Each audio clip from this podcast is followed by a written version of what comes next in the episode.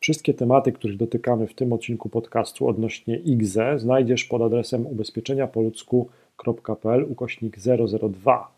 Tam też znajdziesz formularz kontaktowy. Jeżeli chcesz dowiedzieć się więcej o IGZE i otrzymać pomoc doświadczonych doradców ubezpieczeniowych, wypełnij ten formularz. Na pewno doświadczeni e, eksperci Ci w tym pomogą. Miłego słuchania. Dobra, no to teraz tak trochę przewrotnie. IGZE minusy. Czy, czyli co, do minusów pewnie można by, dla, dla, dla innych to może być minus, dla innych to może być plus. Do minusów można by e, dodać taką kwestię, że no jakby no te pieniądze są, muszą być zamrożone, tak? To znaczy nie możemy ich tak bezkarnie wyciągać, tak? Przed upływem tak, konkretnego tak. Terminu. Niektórzy nazwą to minusami, tak jak mówisz, niektórzy będą się cieszyli, że nie tak, będzie ich tak bardzo korzystać, tak. żeby jak, je tam wyciągnąć. Jakie jeszcze e, minusy? Wiesz co, e, to co ja często słyszę, e, to minusem jest to, że jest zbyt niski, e, zbyt niska maksymalna kwota, którą można okay. wpłacić, tak?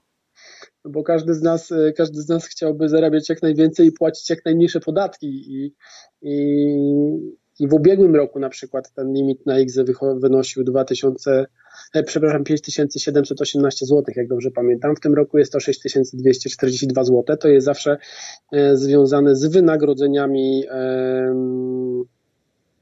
w gospodarce, tak? Czyli okay. jeżeli zmienia się średnie wynagrodzenie czy, czy, czy najniższe wynagrodzenie, co za tym idzie, to, to zmienia się ten, też ten limit. E, więc znam takich, znam takich klientów, którzy którzy twierdzą, że oni by chcieli, żeby ten limit wynosił załóżmy 12 tysięcy złotych i wtedy Ciekawe. co miesiąc odkładać 1000 złotych na IGZE i załóżmy, że 19% z tego mieć z powrotem, czyli, yy, czyli, czyli większe oszczędności. Mhm. Więc to, to też przez niektórych jest nazywane jako, yy, jako wada. Okej. Okay.